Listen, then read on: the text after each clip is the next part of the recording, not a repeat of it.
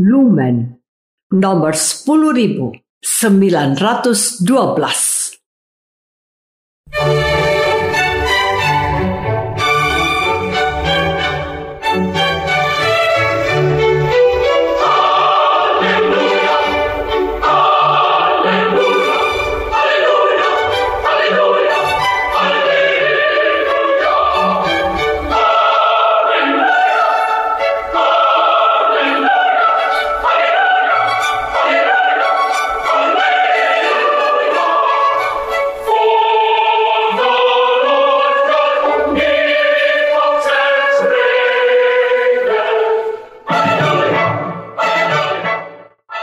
Saudara pendengar di segenap penjuru tanah air, selamat bergabung dengan Lumen Indonesia.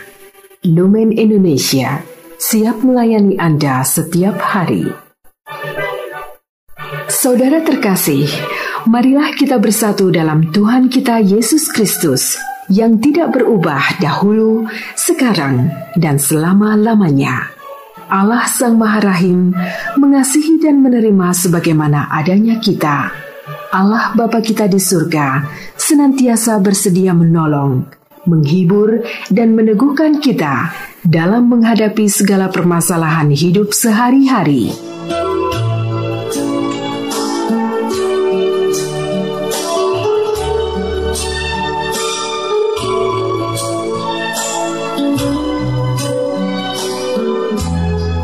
Saudara-saudari, marilah kita mendengarkan renungan dengan judul Berbuat Baik Itu Harus.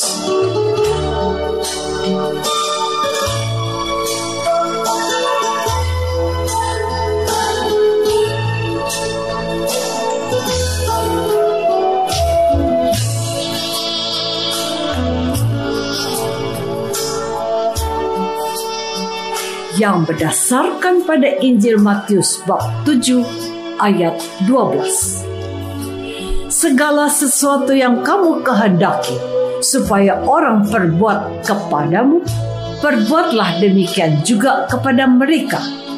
Itulah isi seluruh hukum Taurat dan kitab para nabi.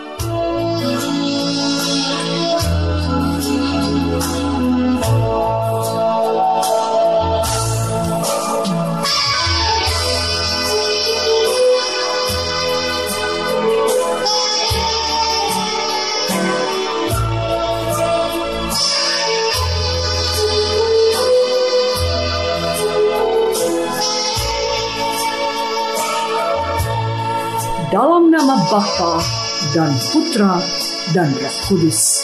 Amin. Saudara-saudari terkasih dalam nama Tuhan Yesus Kristus. Dalam khotbah di bukit, Tuhan Yesus menunjukkan kaidah emas yang terdapat dalam hukum Taurat. Kaidah itu bunyinya, segala sesuatu yang kamu kehendaki supaya orang perbuat kepadamu, perbuatlah demikian juga kepada mereka. Rumusnya sangat jelas.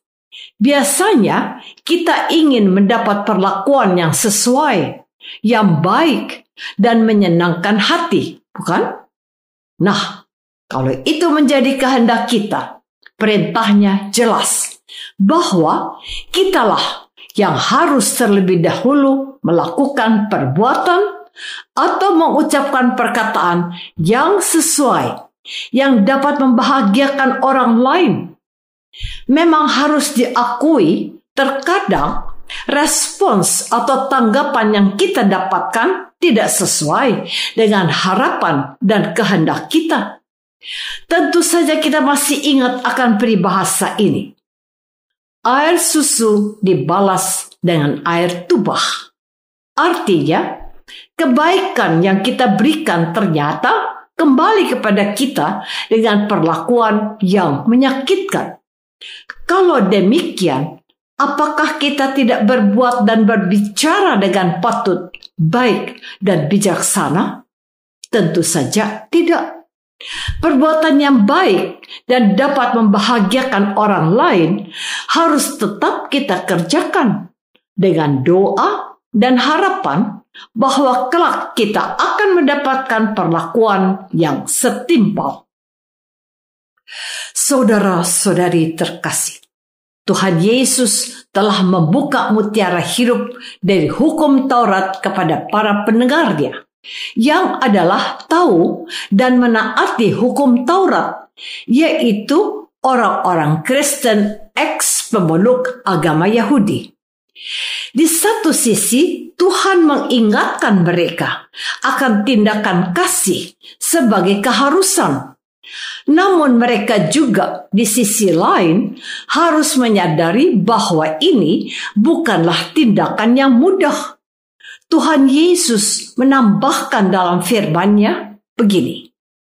Masuklah melalui pintu yang sesak itu karena lebarlah pintu dan luaslah jalan yang menuju kepada kebinasaan dan banyak orang yang masuk melaluinya karena sesaklah pintu dan sempitlah jalan yang menuju kepada kehidupan dan sedikit orang yang mendapatnya. Menjadi orang baik bukanlah hal yang mudah. Butuh kesungguhan, butuh pengorbanan, butuh keseriusan dan pengabdian. Sebaliknya, untuk menjadi orang jahat orang dapat semaunya sendiri dalam bertindak dan memperlakukan sesamanya. Orang baik selalu memikirkan kebahagiaan orang lain, sementara orang jahat hanya memikirkan kebahagiaan dan kesejahteraannya sendiri. Mereka tidak peduli akan nasib orang lain. Menjadi orang baik membutuhkan penyangkalan atas kebutuhan dan kepentingan diri. Orang baik adalah orang yang lebih memusatkan dan menomorsatukan kepentingan orang lain. Saudara-saudari terkasih, pahala dan berkat bagi orang baik adalah bahwa ia akan mendapatkan hasil dari apa yang telah ditaburkannya.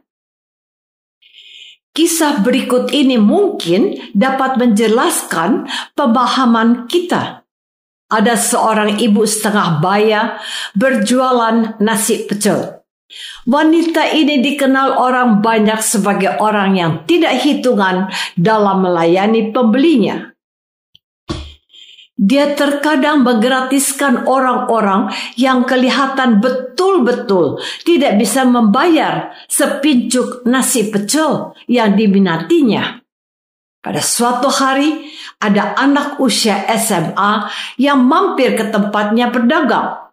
Pakaiannya lusuh, mukanya muram, badannya kurus seperti sudah tidak makan beberapa hari. Ia berkata kepada Mbok Sarmi, si penjual pecel.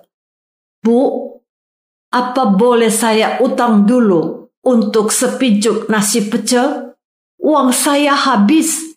Saya baru saja diusir oleh ayah tiri saya dari rumah kami. Saya mau bantu ibu apa saja. Yang penting saya bisa mengisi perut saya, Bu. Bok Sarmi memegang pundak gadis malang itu dan menyiapkan sepincuk nasi pecel dan mempersilahkannya makan. Kalau belum kenyang, nambah lagi ya nak, kata Mbok Sarmi. Gadis itu melahap nasi pecel itu dengan semangat.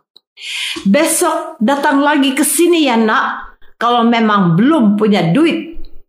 Percakapan ini berlalu sudah hampir 10 tahun lalu. Mbok Sarmi masih menjual nasi pecel. Anita, gadis yang pernah ditolongnya 10 tahun lalu, mengendarai mobil mewahnya, menghampirinya, dan memesan sepincuk nasi pecel. Katanya, Ibu masih ingat saya? Siapa ya? Kok ibu lupa? Saya adalah gadis yang pernah ibu tolong 10 tahun lalu. Kedua wanita itu saling berpelukan. Mbok Sarmi, janda tanpa anak itu, diboyong Anita ke rumahnya dan Bok Sarmi dijadikan ibu sambungnya.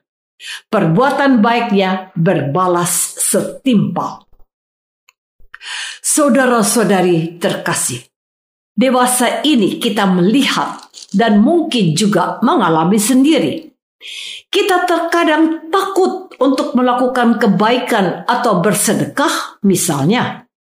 Kita melihat tayangan di TV, ternyata pengemis itu ternyata seorang kaya dengan rumah berlantai dua dan mobil terparkir di depan rumahnya. Itu hanya fakta sesat yang bisa kita ketahui karena diinformasikan. Namun, memang ada banyak orang yang memang membutuhkan bantuan dan uluran tangan kita. Uskup Pandoyo Putra Okarn almarhum pernah berkata, saya tetap akan memberi bantuan kepada orang yang metuk pintu biara dan minta sedekah daripada saya keliru kalau ternyata orang itu adalah Yesus yang memang butuh perhatian dan kasih sayang kita. Lebih baik saya tertipu daripada saya tidak menolong Yesus yang meminta belas kasihan. Demikian beliau katakan pada anak didiknya. Segala sesuatu yang kamu lakukan untuk salah seorang dari saudaraku yang hina ini, kamu telah melakukannya untuk aku. Uskup Malang itu memberikan pelajaran berharga untuk kita. Kita harus tetap berbuat baik kalau ingin diperlakukan sama baiknya. Tidak peduli apakah itu terjadi atau tidak nantinya.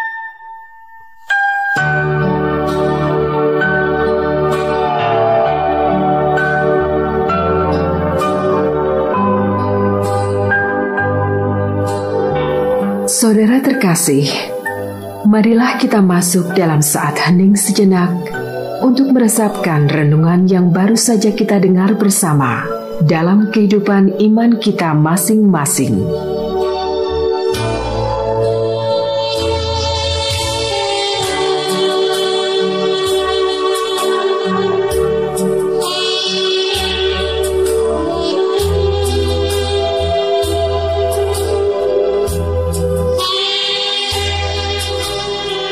Apakah aku sudah menjadi orang baik dan menjadi berkat untuk sesamaku? Marilah kita berdoa. Bapa yang maha baik, Tuhan Yesus menghendaki agar kami menjadi orang baik sebagaimana ingin diperlakukan serupa. Bantulah kami untuk menjadi berkat dan sumber kebahagiaan untuk sesama kami. Sebab dialah Kristus Tuhan kami. Amin.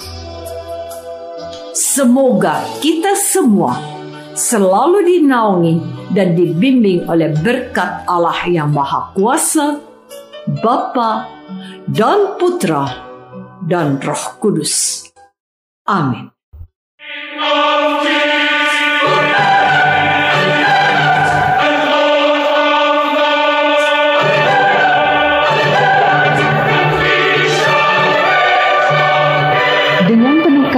dan sukacita, Lumen Indonesia mengundang saudara-saudara seiman di segenap penjuru tanah air. Sekiranya ada tanggapan ataupun saran, kirimkan surat Anda ke Lumen Indonesia. Terima kasih atas perhatian Anda. Sampai berjumpa lagi dengan Lumen Indonesia pada waktu dan gelombang yang sama esok hari.